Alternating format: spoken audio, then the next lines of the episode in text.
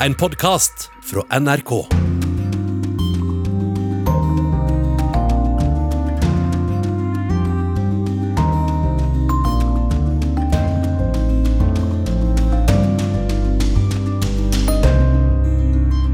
To måneder etter militærkuppet i Myanmar blir livet stadig tøffere for demonstrantene. Nå får unge kvinner råd om hvordan de bør sikre seg. De oppfordret unge kvinnelige demonstranter til å ha med seg angrepille i lomma, og det var en del av nødkit. Det er fordi når man blir voldtatt, så skal man kunne unngå uønsket graviditet. I Nord-Korea er ti millioner avhengig av medisiner og mat fra humanitære organisasjoner, men nå er den siste internasjonale hjelpearbeideren sendt ut av landet, og Røde Kors frykter hva som skjer. Du skal også få høre historien om nazidrapsmannen som ble avslørt av sin stesønn. Og så byr vi på en skikkelig historietime ved at vi markerer at det er 200 år siden Hellas sin krig mot ottomanerne begynte. Ukas korrespondentbrev er postlagt i Afghanistan, og møtet med en far som hadde mistet sin kone, sønn og ufødte barn, ble sterk kost for vår korrespondent. Mens jeg klemte Sorab, tenkte jeg nei, Yama, du skulle ikke grått. Det var veldig uproft gjort av deg.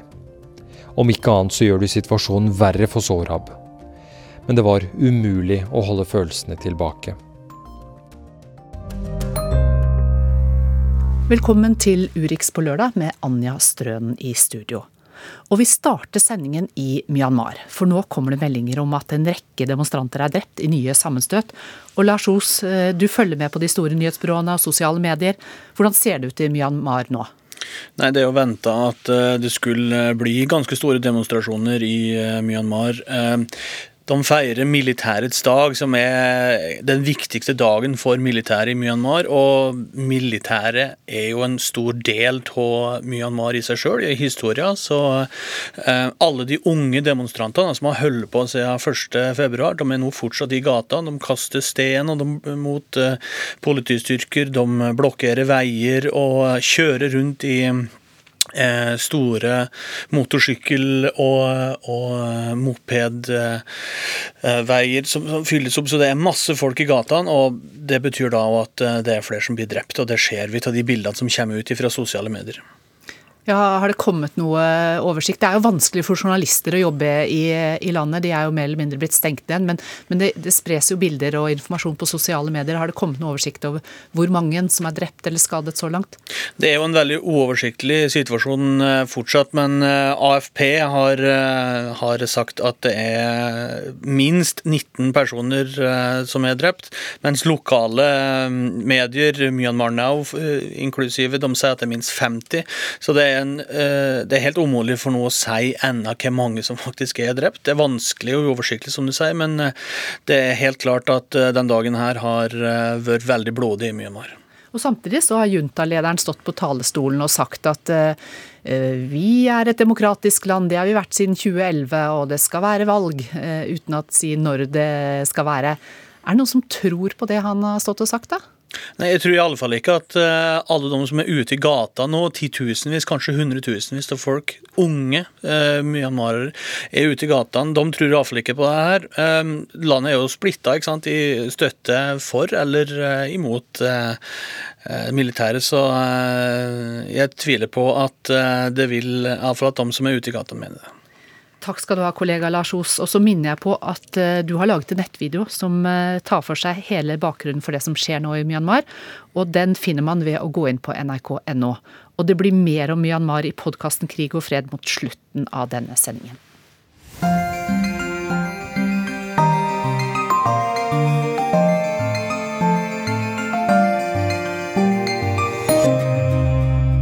Da skal vi til Nord-Korea. 조선민주주의인민공화국 국방과학원은 3월 25일 새로 개발한 her forteller programlederen for nyhetene i Nord-Korea at landet har testet en ny rakett, og dette skjedde på torsdag. Samtidig så har landet nå nærmest vært hermetisk lukket det siste året. Og det og det er også de siste, og de siste hjelpearbeiderne er sendt ut av landet. Det er snakk om eh, ganske mange, og det skjer samtidig som det er ti millioner av landets innbyggere som er avhengig av mat og medisiner fra utlandet. Og Torbjørn Bjørk Henriksen, du er rådgiver for Asia i Røde Kors. Du har besøkt landet et tjuetalls ganger. Ta oss med dit. Hva frykter du ville møtt deg om du kom deg inn i landet akkurat nå? Hvis jeg hadde fått muligheten til å reise ut av Pyongyang, så hadde jeg vært veldig redd for hva jeg skulle se. Og det hadde da vært at jeg hadde reist ut til disse områdene jeg pleier å besøke. Sykehus, landsbyer, eh, hvor jeg vet at folk har slitt i mange år. Og nå trolig sliter enda mer, i og med at de ikke får noen varer inn. Verken fra for vanlig import, eh, som matvarer, olje, eh, medisiner, eh, reservedeler, hva som helst. Så dette tror jeg er en befolkning nå som sliter eh, ja, over hele fjøla. Hvor avhengig er Nord-Korea av den hjelpen? Ja, De er helt avhengig av hjelp. Eh, både humanitær bistand, som vi kaller det, som er eh, vareleveranser i form av mat, medisiner, medisinsk utstyr. Men det er jo som alle andre land også avhengig av å ha inn olje, ha inn reservedeler, som nevnt ha inn utstyr for å holde hjula i gang, rett og slett. Eh, nå er det jo et land som er, har i hvert fall erklært eh, gjennom flere tiår at de skal være selvforsynt, at de skal stå på egne ben gjennom sin egen eh, ideologiske plattform, som kalles Juche. Eh, Stemmer det? Nei, det gjør det ikke. Det stemmer ikke. Eh, de er robuste, det kan man absolutt si. Jeg har vel aldri sett noen som kan klare seg med så lite som nordkoreanere. Men eh, vi er jo alle mennesker og samme biologiske vesener. Så de er avhengig av å ha mat. De er avhengig av å ha en viss grad av variert mat. De er avhengig av å få uh, legehjelp når de er syke. Kunne komme til en lege som faktisk kan tilby noe ut, utover en samtale, men at legen også har medisiner. Eh, så sånn sett så er det ingen som klarer seg helt alene. Og samme hvordan man vrir og vender på det, så er også Nord-Korea, til tross for enorm De har vel ingen som har så kraftige sanksjoner som Nord-Korea, så er de en del også av et internasjonalt marked å få inn varer eh, til, til landet sitt. Du, På slutten av 90-tallet så kalte dere i Røde Kors inn til en pressekonferanse. Eh, da hadde dere sluppet inn i landet. Det var eh, sultkatastrofe, og, og kollega av deg kom hjem med bilder. Det var helt eh, grusomme bilder. De viste små barn, gravide kvinner, gamle, unge, som lå hjemme og døde i stillhet. I ettertid så har det vist seg at det et eller annet sted mellom en kvart million og 3,5 millioner døde i den sultkatastrofen. Og det som gjorde så ekstremt inntrykk på meg, det var akkurat det der at de lå hjemme i stillhet og sa ingenting. De lå hjemme og døde. Eh, det var ingen som, eh, som gikk etter hjelp, det var ingen som ropte ut. Alt skjedde i stillhet. Nå er landet lukket igjen, og man vet ikke når det kommer til å åpne seg. Hva frykter du vil skje? Eh, situasjonen på 90-tallet var jo helt ekstrem. Da var det jo en massiv sult, eh, som du er inne på. Vi, vi, vet jo fortsatt ikke helt omfanget av den katastrofen. Det er nok i det øvre sjiktet av de tallene som du, du nevnte. Eh, vi håper selvfølgelig og tror at Nord-Korea og myndighetene også har lært av den katastrofen som var da. Men de er helt avhengig av å få inn leveranser. Vi, vi, kan stå overfor en ny situasjon hvor det må raskt inn humanitær bistand når det er mulig å, å, komme inn. Men nå som landet er stengt, så må vi mm, være så ærlige å si at vi vet rett og slett ikke omfanget. Det vi vet er at uh, i fjor så hevder myndighetene at det var en god avling, uh, og at de fikk god, relativt god tilførsel av mat. Samtidig så vet vi at det var tre tyfoner som slo og vaska vekk eh, landbruksarealene. Åkre ble oversvømt. Folk eh, fikk rett og slett færre eller mindre avlinger. Um, så det på en måte, matematikken går ikke helt opp her. Eh, og uansett hvor god avling nordkoreanerne har, så har de Eh, ca. 1 million tonn mat eh, i underskudd. Eh, så matnettoen er altfor liten til at man kan kunne brødfø sin egen befolkning. Så det vi ser nå er jo, og det vi er veldig redd for, er jo det at særlig små barn får for lite mat. Jeg har selv sett mange barn som, som uh, vi får oppgitt alder til, som, som skal angivelig være helt oppe i tenåra, som ser ut som de er kanskje seks, sju, åtte år, eh, pga. at de får rett og slett for lite og for dårlig mat. mange mennesker som ikke har spist kjøtt noen gang, f.eks. Men du har jo reist inn og ut av dette landet i mange, mange år. Eh, og kjenner folk fra 20 år tilbake, har jeg forstått. Får du noe informasjon av de? Sier de noe til deg? Ja, så Vi har jo muligheten da selv til å reise ut i prosjektområdene som vi støtter. Vanligvis. Eh, vanligvis. Men ikke nå? Eh, nå har vi ikke det. Eh, så nå famler vi i, i, litt i mørket her og baserer på en måte det vi tror om situasjonen på, på erfaringene vi har gjort i alle disse åra som vi har jobbet i Nord-Korea. Ja, Hva tror dere da om situasjonen nå? Den tror vi er vanskeligere enn på veldig mange år. Det har vært en gradvis positiv utvikling i Nord-Korea, og den er nok satt ganske langt tilbake nå, i og med at eh, de ikke har noe internasjonal eh, bistand eh, lenger. Takk, Torben Bjørke Henriksen, rådgiver for Asia i Røde Kors.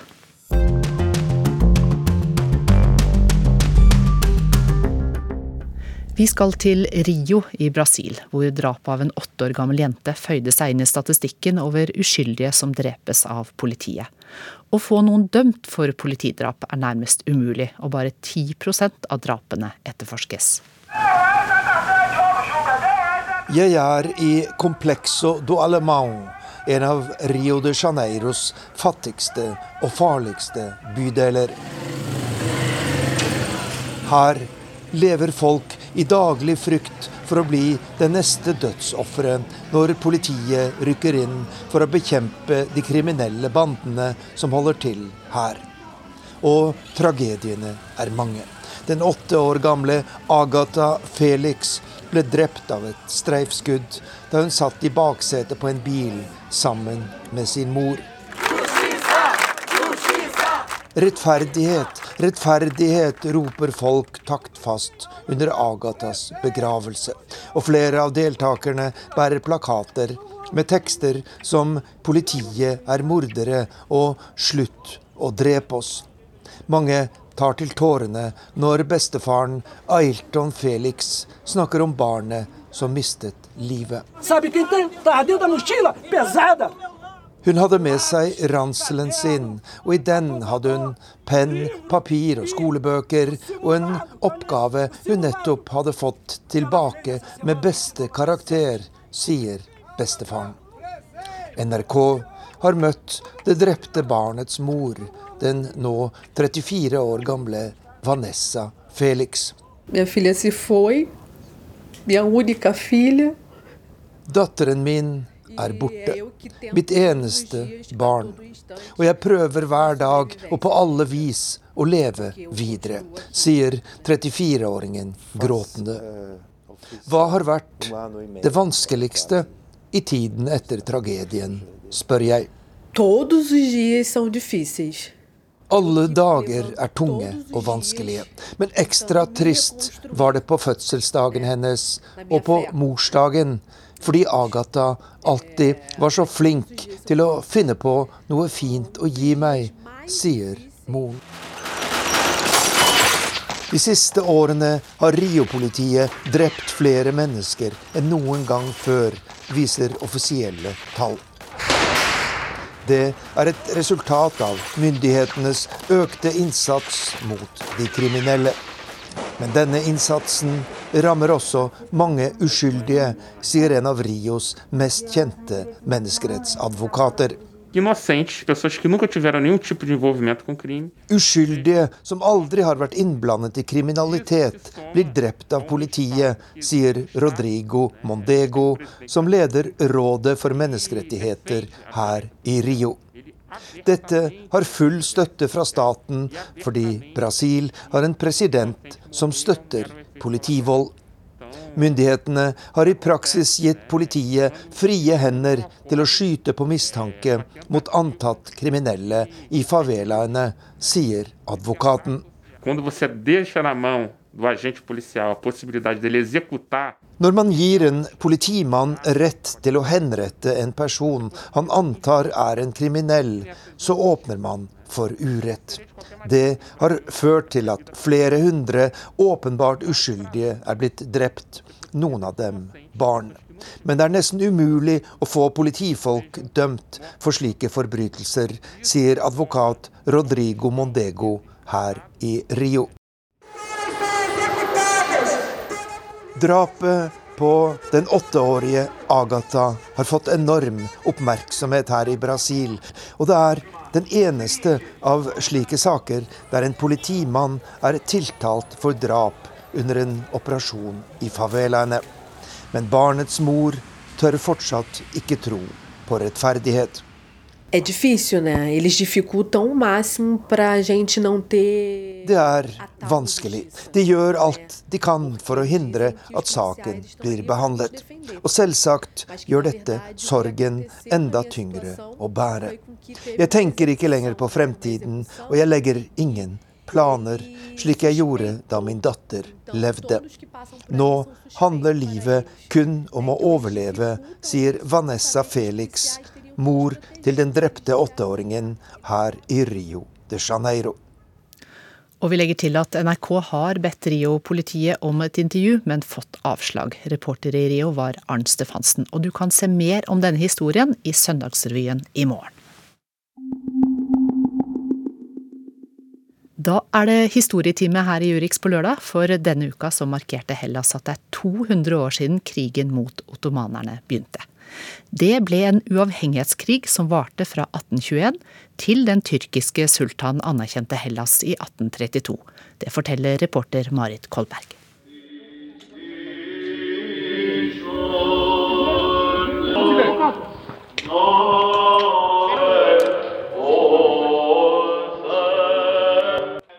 Utenfor klosteret Agia Lavra på Peloponnes vest for Aten. Her, 961 meter over havet, blir det sagt at fødestedet for det moderne Hellas ligger. 25. mars for 200 år siden blir regnet som starten på den greske uavhengighetskrigen. Her ble det revolusjonære banneret hevet. Og her blir det som skjedde gjenskapt av en teatergruppe. Menn i kapper og tradisjonelle kostymer.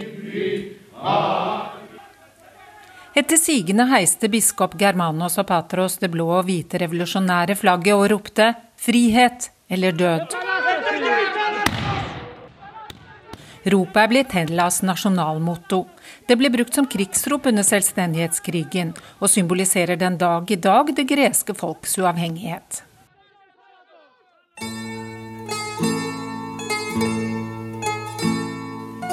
I nesten 400 år hadde ottomanerne fra dagens Tyrkia hatt makten. Grekerne bodde spredt i det som er dagens Romania, Tyrkia, og i Hellas. Levekårene varierte veldig. Noen steder kunne greske kjøpmenn og noen geistlige leve godt. Andre steder var store deler av befolkningen fattig. Bøndene måtte leie landjord av de tyrkiske grunneierne. De fikk ikke bære våpen, de fikk ikke lov til å ri, og måtte betale mer skatt enn sine muslimske naboer. Den som ikke konverterte til islam, var en annenrangs borger. I 1814 ble et hemmelig gresk samfunn grunnlagt i Odessa for å styrte det de kalte tyrannene, og i 1821 ga de signal om opprør, og etter hvert spredte det seg. Krigen ble blodig og skulle vare i mange år. Landsbyer ble omringet og brent ned. Byer ble omringet og folk sultet ut. Avlinger ble satt i brann. Sykdom og sult tok mange liv. Den antityrkiske kampen utviklet seg etter hvert til å bli en internasjonal konflikt. Egypterne andre støttet tyrkerne, mens grekerne etter hvert fikk støtte fra Storbritannia, Frankrike og Russland. Mange av Vestens politikere, kunstnere og intellektuelle så på Hellas som den moderne sivilisasjons vugge. De var ikke i tvil om hvem de skulle støtte i krigen mellom kristne grekere og det muslimske overherredømmet. Vel så viktig var det nok at de store landene så at krigen kunne endre styrkeforholdet dem imellom, og ville sikre seg sin bit av makten. Et vendepunkt kom da Hellas med støtte fra stormaktene ødela den tyrkisk-egyptiske flåten ved Navarino i 1827. Men ennå skulle det gå noen år før grekerne kunne erklære landet uavhengig i 1832.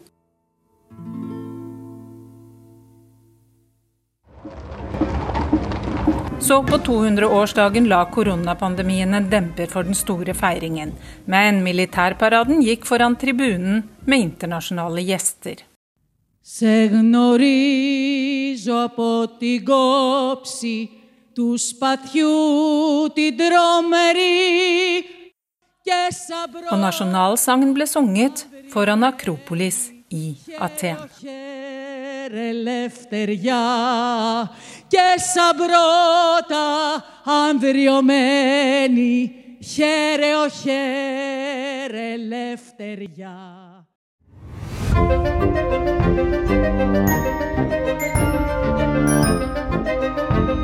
Thank you.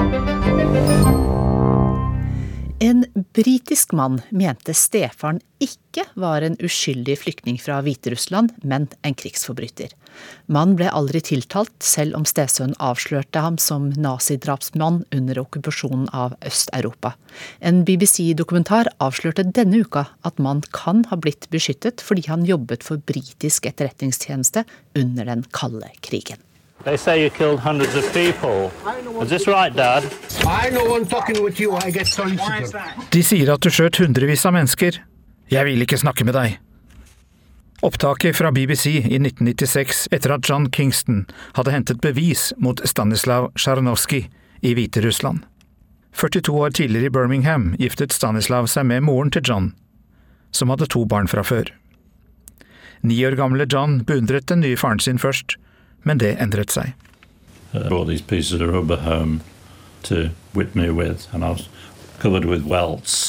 John ble slått, dekket av sår fra slag med gummireimer. Og det kom etter hvert vonde bilder i hodet. Godnatthistoriene til stefaren var groteske beskrivelser av drap, som han sa at han hadde sett. All these terrible pictures he planted in my head. John Kingston ble i løpet av oppveksten overbevist om at Stanislav Tsjarnovskij måtte være en krigsforbryter selv. Jeg var bare vakt for tyskerne, senere soldat i de polske motstandsstyrkene, sa stefaren. Som voksen samlet John informasjon. Han fant bilder hjemme av en ung Stanislav i uniform i hjembyen Slonim. Da den britiske regjeringen i 1988 ba folk informere om mulige krigsforbrytere blant dem, fortalte John om mistankene mot stefaren. Men politiet henla saken av mangel på bevis. Så dro John Kingston til Slonim i Hviterussland sammen med BBC. Mange kjente Stanislav Sjarnovskij igjen på ungdomsbildene. En kvinne fortalte at han hadde skutt hennes ektemann. I skjul fra kornaksen i en åker hadde et annet vitne sett Sjarnovskij skyte minst 50 mennesker. Vi kalte ham slakteren, sa et tredje vitne.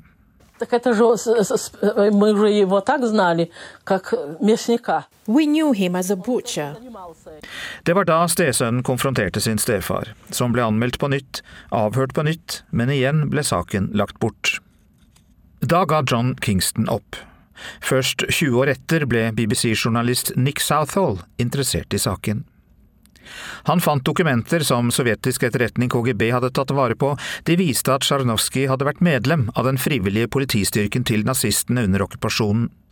Andre funn viste at han senere hadde vært i Waffen-SS i Frankrike.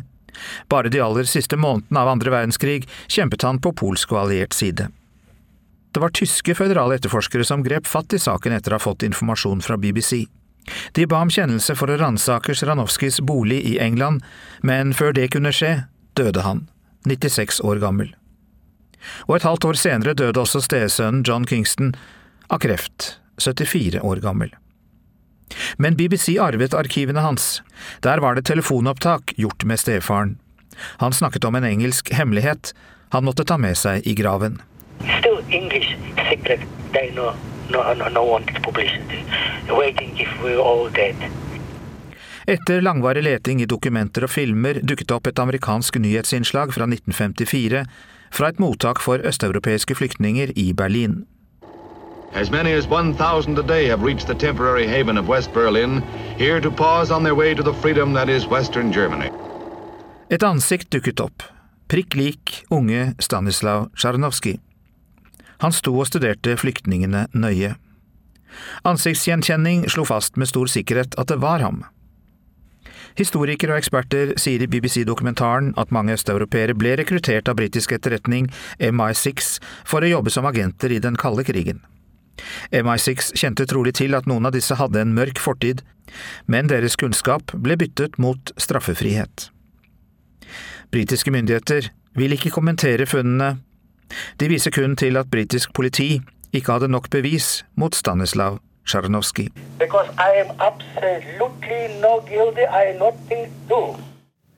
Jeg er absolutt uskyldig, jeg har ikke gjort noe, sa mannen som ble avslørt som nazidrapsmann. Reporter her var Øystein Heggen, og vil du vite mer om denne fascinerende historien, så sjekk ut nettsidene til BBC.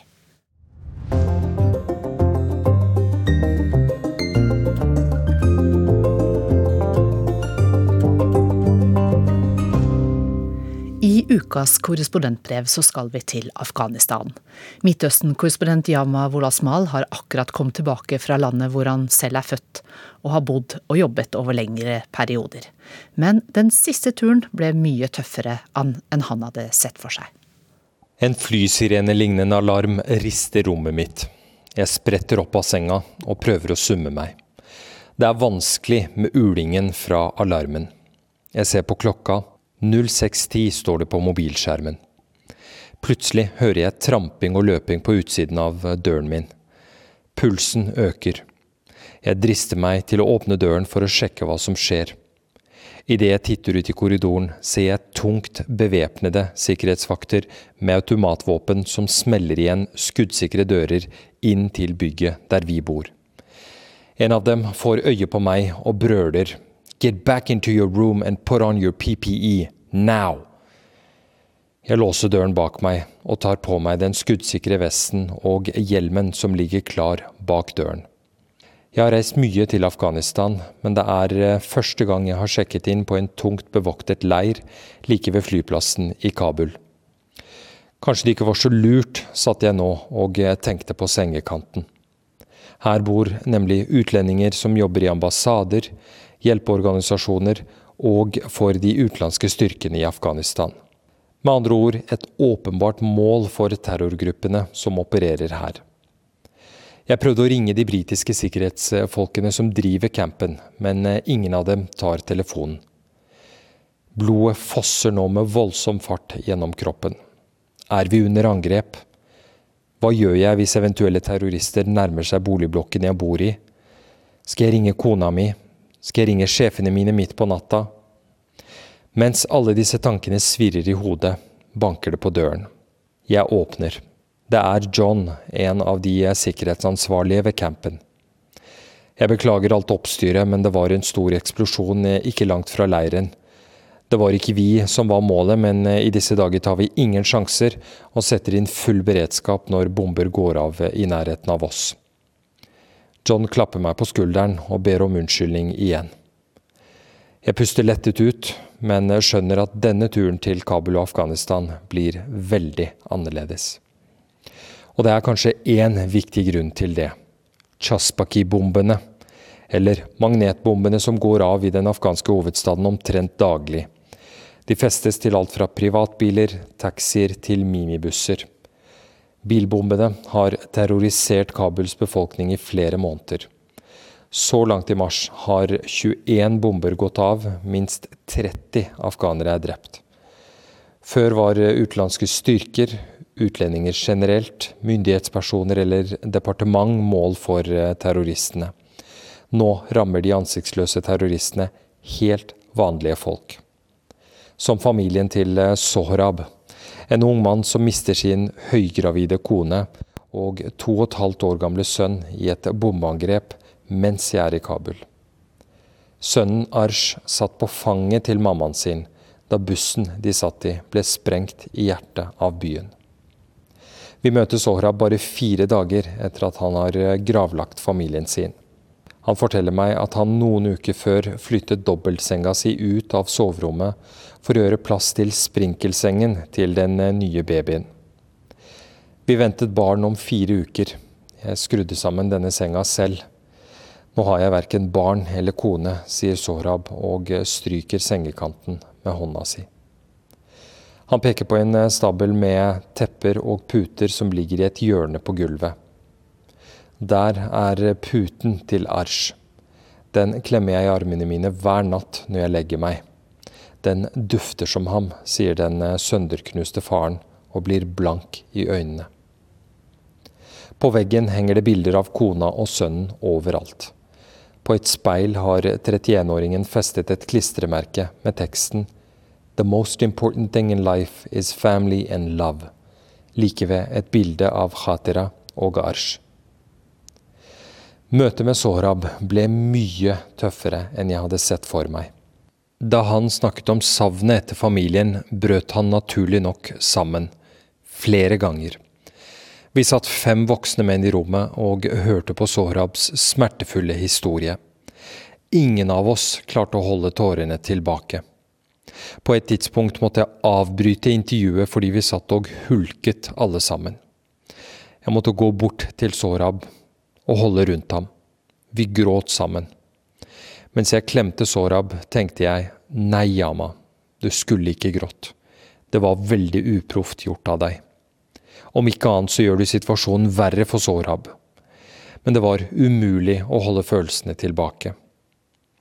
Etter møtet med Sorab var både jeg, kameramannen min Aman og eh, fikseren min Nasim fullstendig satt ut.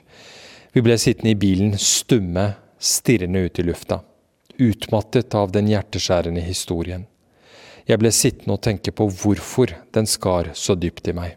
Jeg hadde jo opplevd langt mer traumatiserende ting i jobben som utenriksjournalist. Jeg tenkte tilbake på krigen i Libya for over ti år siden. På en av turene mine til frontlinjen bodde jeg på en barneskole som var gjort om til eh, overnattingssted for opprørssoldater, feltsykehus og likhus. Hver morgen hadde jeg en makaber rutine. For å holde oversikt over dødstallene pleide jeg å telle antall døde opprørssoldater inne på et av klasserommene som var gjort om til et eh, kjølerom. På det blodige gulvet lå likene på rekke og rad. Det var snakk om unge menn som ofte var skutt i hodet av Gaddafis snikskyttere, som brukte kuler som eksploderte ved kontakt. Jeg kunne ikke huske at jeg gråt eller brøt sammen av synet på de maltrakterte kroppene. Nå tålte jeg ikke å høre en far snakke om savnet og minnet etter barnet sitt. Det traff meg hardt i magen, sannsynligvis fordi jeg selv nå har blitt far. Da Sorab snakket om sin to og et halvt år gamle sønn, så jeg for meg min datter Laurina, som er nøyaktig samme alder. Da Sorab viste meg bildet av sin nyvaskede sønn Arsh, som sitter i bare bleia og gir faren sin et nuss på munnen, gikk tankene rett hjem til Beirut, til Laurina, som jeg bader hver kveld. Hun liker å sprade rundt i bleia i noen eh, minutter, akkurat som Arsh, før jeg tar på henne pysjen, gir henne tåteflaska, og vi går og legger oss sammen. Historien til Sorab gjorde vondt fordi den var gjenkjennelig.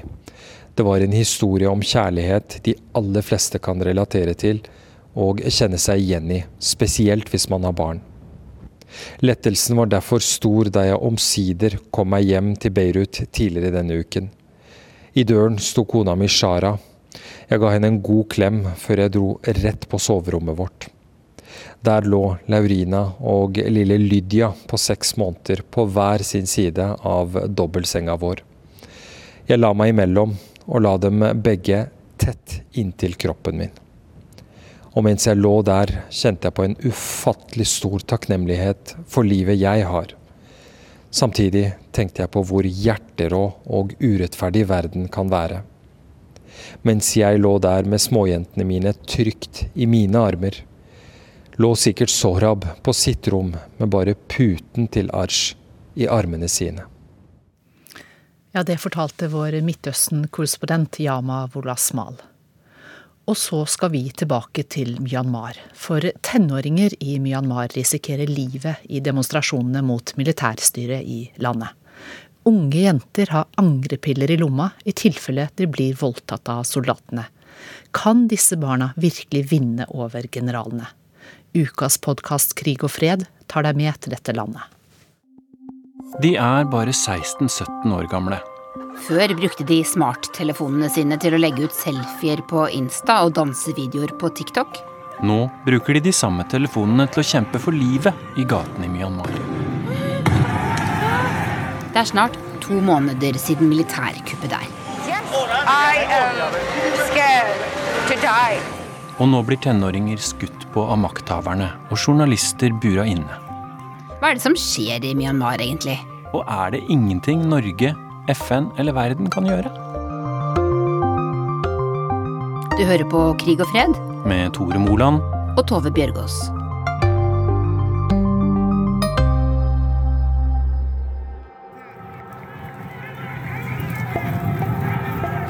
De oppfordret unge kvinnelige demonstranter til å ha med seg angrepille i lomma, og det var en del av nødkit.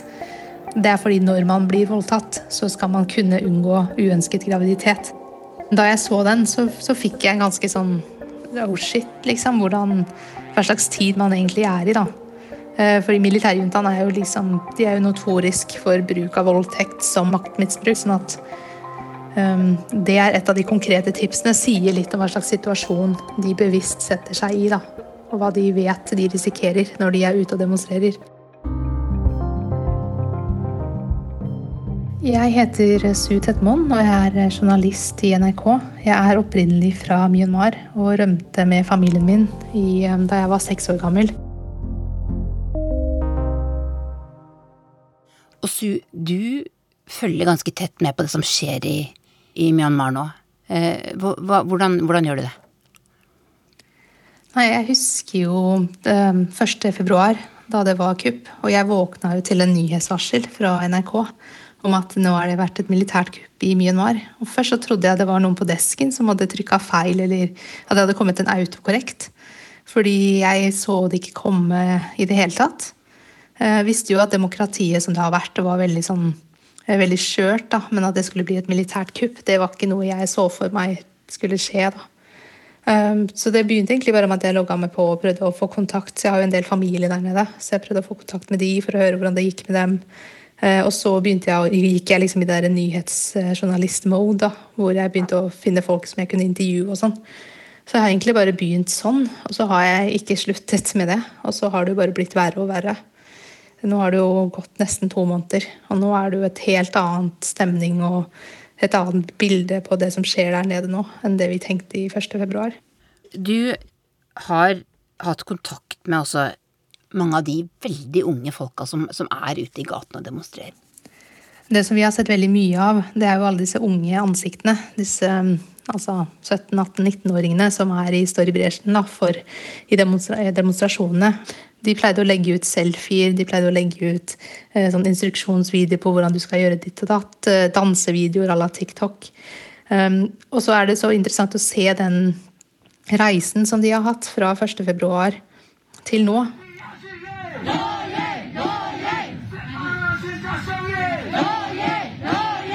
Hva, hva, er det der de roper for noe her? Doji. Og det betyr våre rettigheter. Altså det er en, en, del av et kamprop. da, Hva vi vil ha. Vi vil ha våre rettigheter. Um, så doji. Det er det de roper. Det er jo en 18-åring som jeg, jeg, fant på Instagram, da, hvor han har lagt ut matvideoer. Uh, og han var jo en av de som var blant de første som var med på denne grytekampanjen, hvor man slo i gryter for å vise misnøye. Så begynte jo med at man la ut sånne videoer og selfier med tre fingre opp. Men så har han etter hvert utviklet seg til å liksom følge med på alt som skjer, og være en slags hub for informasjon. Da, at man forteller hvor nå er det masse demonstrasjoner som skjer her, militæret har blitt observert, dere må passe på. Så han har, han har tatt den rollen til å være en slags koordinator og hjelpe folk ute i gatene. Eh, og det er jo veldig interessant å se hvor mange eh, grusomme bilder som de blir eksponert for. Ikke bare på sosiale medier, men i virkeligheten. Og hvor, hvor grusomt det er. Men man tenker ikke over at man deler det fordi man er så desperat etter at alle som er i utlandet skal få med seg hva som skjer. Da. Hva slags bilder er det han, han legger ut på Instagram? Du, da snakker vi om ganske blodige drapsbilder. Altså, det er jo snakk om knuste hodeskaller fordi folk har blitt skutt. Jeg merker at det liksom kryper litt sammen, bare jeg prøver å gjenfortelle det til deg nå. Du sier han er 18 år. Dette må være veldig, veldig farlig, det han driver med? Det er det absolutt. Han er jo en av veldig mange. Det er jo flere av de som har blitt skutt og drept i gatene, er jo folk mellom 16 og 21 år.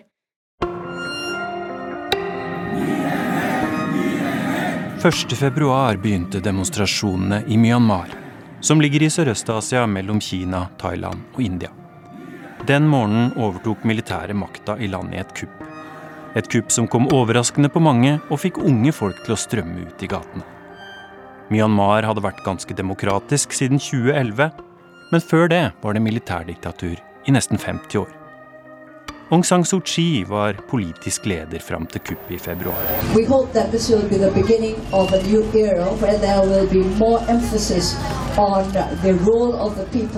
Hun er en kjent demokratiaktivist som leda demonstrasjoner på 1980-tallet og fikk Nobels fredspris for innsatsen. Men nå er Aung San Suu Kyi avsatt, få vet hvor hun er. Generalene har igjen tatt makta. Du, fortell litt om bakgrunnen din. Du sier du kom til Norge da du var seks år gammel. Hva, hvor, hvorfor kom du til Norge? Jeg har eh, Jeg ble jo født i 87, eh, og så var det jo de store demonstrasjonene i 1988. Og da var eh, faren min og mine tanter og onkler de var en del av de demonstrasjonene der. Så en, eh, begge onklene mine og en tante av meg ble arrestert, mens pappa klarte å komme seg ut til Norge. Hva slags demonstrasjoner var det som var i, i, i 1988? Ligner de på de som er nå? Det gjør det på veldig mange måter. Um, det var studenter og unge som også sto i bresjen på de. Uh, og det var også um, altså, soldater som var ute i gatene. Det begynte som fredelige demonstrasjoner, men endte med massakre. Jeg tror den verste var på én dag så ble 3000 demonstranter skutt og drept. Hva sier faren din, som, som var med på demonstrasjonene i, i 1988? Han er først og fremst veldig imponert over de unge. Han syns de har funnet måter å demonstrere på som de ikke tenkte på da de gjorde det i 88. De har jo vokst opp og sett hvordan man har demonstrert under den arabiske våren, eh, Black Lives Matter og ikke minst Hongkong-demonstrasjonene. Så de vet hvordan de skal demonstrere og få oppmerksomheten til verden. Da. Det er derfor man også ser veldig mange skilt som står på engelsk og ikke burmesisk. I'm a Democratic Voice of Burma's senior producer. This time I'm reporting for Norwegian TV. Dette er programleder Yi Win 2 Vanligvis har han sitt eget dokumentarprogram. Men midt i februar var Yivin To ute i gata i Myanmar og snakka med demonstranter for NRK. So what, what Hva vil dere? spurte han folk.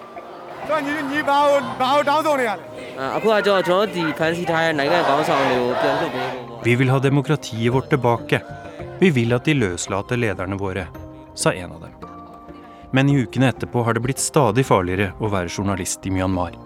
Flere er blitt drept, mange er arrestert.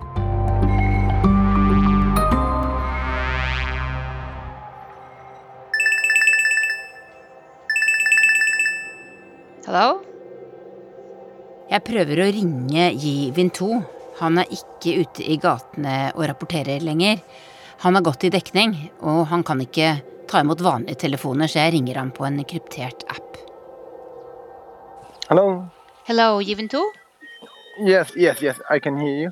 Good, this is Tove from Norway. Yeah, yeah, yeah. It's a bit of wind. It's okay. Are you outside? Yeah. So where are you right now?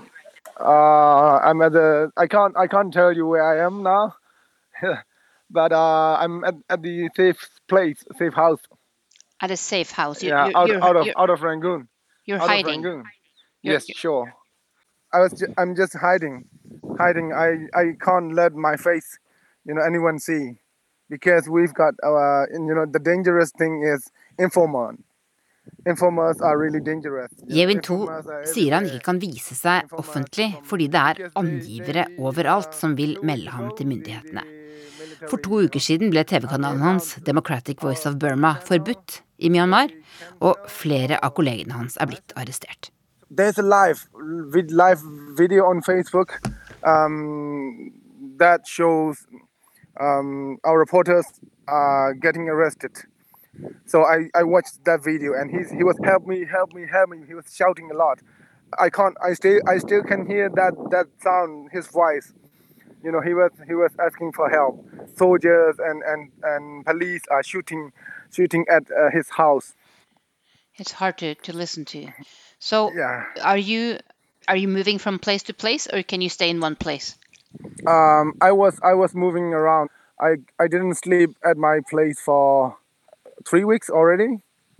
I, I, I lost I lost I lost the dates and day. I don't know which date or which day today is.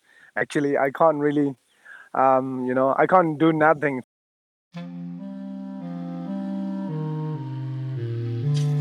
The VTC meeting of the Security Council is called to order. 10. mars ønska USAs FN-ambassadør Linda Thomas Greenfield de 15 medlemmene i FNs sikkerhetsråd velkommen til digitalt møte om situasjonen i Myanmar. Norge er medlem av Sikkerhetsrådet og deltok på møtet. FNs mektigste organ ble enige om en uttalelse som fordømte vold mot demonstrantene og ba militæret om å roe seg ned. Men Sikkerhetsrådet ville ikke kalle det som skjedde i Myanmar i februar for et kupp. De trua heller ikke med sanksjoner, selv om andre FN-organer har oppfordra til å slutte med våpensalg, og både USA, EU og Storbritannia har innført sanksjoner mot Myanmars militære ledere.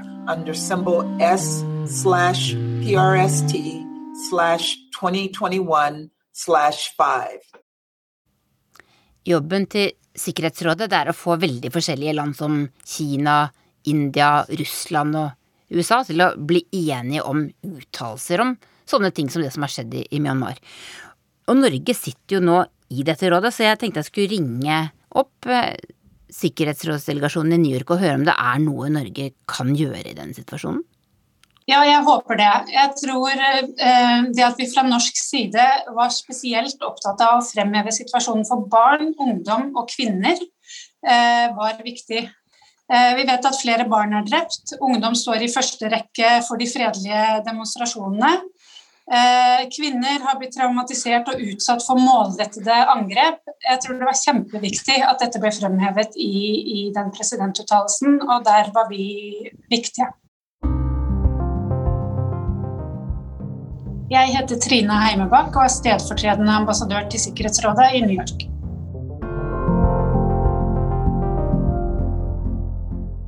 Det er jo bare en uttalelse, og den uttalelsen sier jo ikke engang at dette var et kupp. Men kan du prøve å forklare for meg hvorfor sånne uttalelser, altså, altså, bare et sånt dokument, hvorfor det er viktig? Det er litt vanskelig å forstå. Det At 15 eh, så forskjellige land står sammen om å fordømme volden og voldsbruken, er ekstremt viktig. Eh, og jeg mener at den uttalelsen på Myanmar var god og sterk eh, og det beste vi kunne få på det tidspunktet.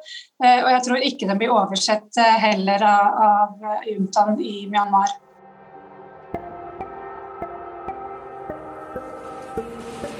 Everybody is scared to die. But life without hope is the same as dying. Ja, jeg er redd for å dø. Alle er redd for det. Men jeg er mer redd for ei framtid som er mørk og håpløs, sier 21 år gamle Konshoi Toda. Hun er en av dem som har demonstrert i ukevis i landets største by, Yangon. So, I'm more scared of my future that is dark and hopeless.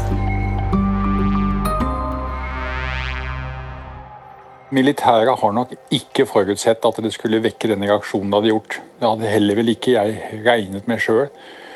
Det har vært en, en, enorm oppslutning om demonstrasjonene mot kuppet, og de har holdt ut uke etter uke, funnet på nye måter å slåss på hele tiden. Så et bilde jeg så fra i går av militærjuntaens leder Minang Leing, tydet på at han også så ganske sliten ut. Jeg tror du de føler seg truet av, av demonstrantene, av disse tenåringene? Ja, det er, det er ikke bare tenåringene. Tenåringene er aktivistene. Det er en ny generasjon. Denne generasjonen sett som, ikke, som er født på slutten av forrige århundre eller begynnelsen av dette, men de har sine foreldre og befolkningens store flertall bak seg. Så det er klart at eh, militæret må ha skjønt nå at de har satt seg opp mot sitt eget folk. Jeg heter Stein Tønneson og er Asia-forsker på Institutt for fredsforskning. Og jeg har jobbet mye i Myanmar siden 2012. Hvorfor tok militære militæret makta i, i, i Myanmar 1.2? De påsto selv at det var fordi det hadde vært valgfusk i valget på ny nasjonalforsamling den 8. november, men det er sannsynligvis bare et påskudd. Grunnen til at de tok makten, var at det valget ble vunnet så overbevisende av Aung San Suu Kyis parti, Nasjonalligaen for demokrati. Nå har jo disse demonstrasjonene vart i snart to måneder. Hvilke alternativer har de militære lederne nå? Fra sin synsvinkel har ikke de noe altern annet alternativ enn å fortsette undertrykkelsen. Og så håpe på at de kan bli sittende. Så vil de styre et land som er inne i en økonomisk misere. Men de vil komme tilbake til den situasjonen som militæret var i så mange år under tidligere juntastyre. Hvor de kan sitte og de vil alltid skaffe seg noen ressurser, men holde landet nede i fattigdom. Så det er nok den kanskje mest sannsynlige tingen som skal skje hvis man ser kynisk på det. Men det er jo også mulig at de må gi seg. Tenk om det kom et palasskupp i toppen av militæret. At noen som skammer seg over det militæret har gjort mot befolkningen, bestemte seg for å også kvitte seg med topplederne. Det kunne man håpe på at noe sånt kunne skje. Det kunne også komme en internasjonal intervensjon eller så sterkt press utenfra, anført kanskje av Kina, at du fikk en frigivelse av Aung San Suu Kyi, og da ville det sette gang i nye forhandlinger som kunne føre til en, en ny løsning og kanskje et helt nytt regime. Er det noe FN kan gjøre i en sånn situasjon? FNs sikkerhetsråd er to ganger blitt enige om en enstemmig uttalelse som eh, tok avstand fra, eller som krevde frigivelse av Aung San Suu Kyi og president Win Mynt og andre arresterte politikere. Og de har også tatt klart avstand fra volden. Bare det at Sikkerhetsrådet klarte å bli enige om to sånne uttalelser, var et skritt i riktig retning. Men eh, det Sikkerhetsrådet er avhengig av Kina. Russland. India er også i Sikkerhetsrådet nå. Og alle disse landene er land som har forsynt Myanmars militære med våpen. Det som ville trenges, var at Kina bestemte seg nå for å få med seg alle de andre i Sikkerhetsrådet i en aksjon som skulle føre til at Aung Suu Kyi faktisk ble frigitt, noe de ønsker. Og da må de true med en fullstendig, eller gjennomføre en fullstendig våpenboikott umiddelbart. Og sterke felles sanksjoner for hele Sikkerhetsrådet. Hvis det bare er Vesten som lager sanksjoner, enten det er EU eller det er USA, så har det liten virkning. Men hvis Kina bestemte seg for det, og så sin mulighet nå til å vise at de mener alvor med et multilateralt samarbeid, så ville det kunne skje noe. Su Tetmoen, hva tenker du at uh, disse tenåringsdemonstrantene håper skal skje nå? Det er jo rått parti å, stå opp mot en, uh, en militærjunta. Ja, um, altså det er sånn det som er så litt sånn litt trist å se også. For i starten så var det som om de var helt overbevist om at bare verden fikk vite om hva som skjer, så kommer de til unnsetning. Ikke sant? Det var jo folk som sto utafor Det hvite huset og demonstrerte og håpet på at USA skulle invadere Burma for å redde dem fra sitt eget militær. Altså Det sier jo litt om hvor stort gap det er mellom folket og militæret der nede. Eh, men etter hvert så er det som om det har liksom gått litt opp for folk at hvis det skal bli gjort noe, så er det de selv som får gjøre det. Så det er veldig mange ulike måter folk har samlet seg for å kjempe for dette demokratiet. da. Og ikke minst alle de som eh, nekter å gå på jobb i den sivile lydighetsstreiken. Hvor mye de egentlig risikerer. Um, det siste jeg så nå, var jo en gruppe med jern, jernbanearbeidere. Noen av de har fått lov til å bo i kommunale boliger. Og de fikk, de fikk, beskjeden at enten kommer du på jobb, eller så flytter du ut av huset. Og da har det sett veldig mange bilder av folk som har pakket sammen det lille de har, og viser tre fingretegnet idet de er på vei ut av eh, bygget sitt. Fordi de vil heller gå på gata enn å gå på jobb og ikke være med en del av den demokratikampen. Det var en som sa noe som jeg husker veldig godt, eh, som jeg noterte meg ned. og Det var at hvis demokratiet, altså hvis folket vinner, så kan Myanmar bli som Sør-Korea. Og hvis militæret vinner, så blir det Nord-Korea. Og jeg tror det er det tankegangen folk flest har da, når de prøver å tenke ut om de skal ut og demonstrere i dag eller ei. Du har hørt Krig og fred fra NRK Urix. Lydregien var ved Lisbeth Sellereite. Denne podkasten lages av Tore Moland og meg, Tove Bjørgaas. Og redaktøren vår er Sigurd Falkenberg Mikkelsen.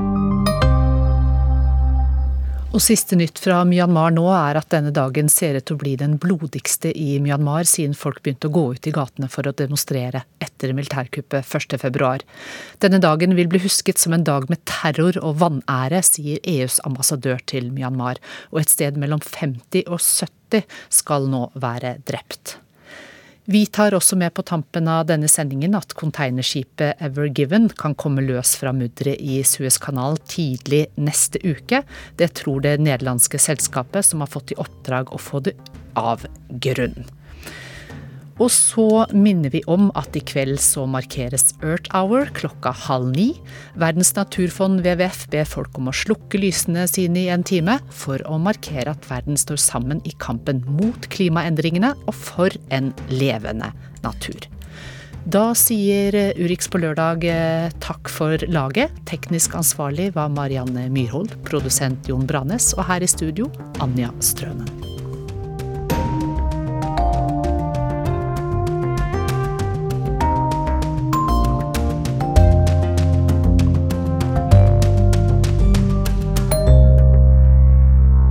Du har hørt en podkast fra NRK.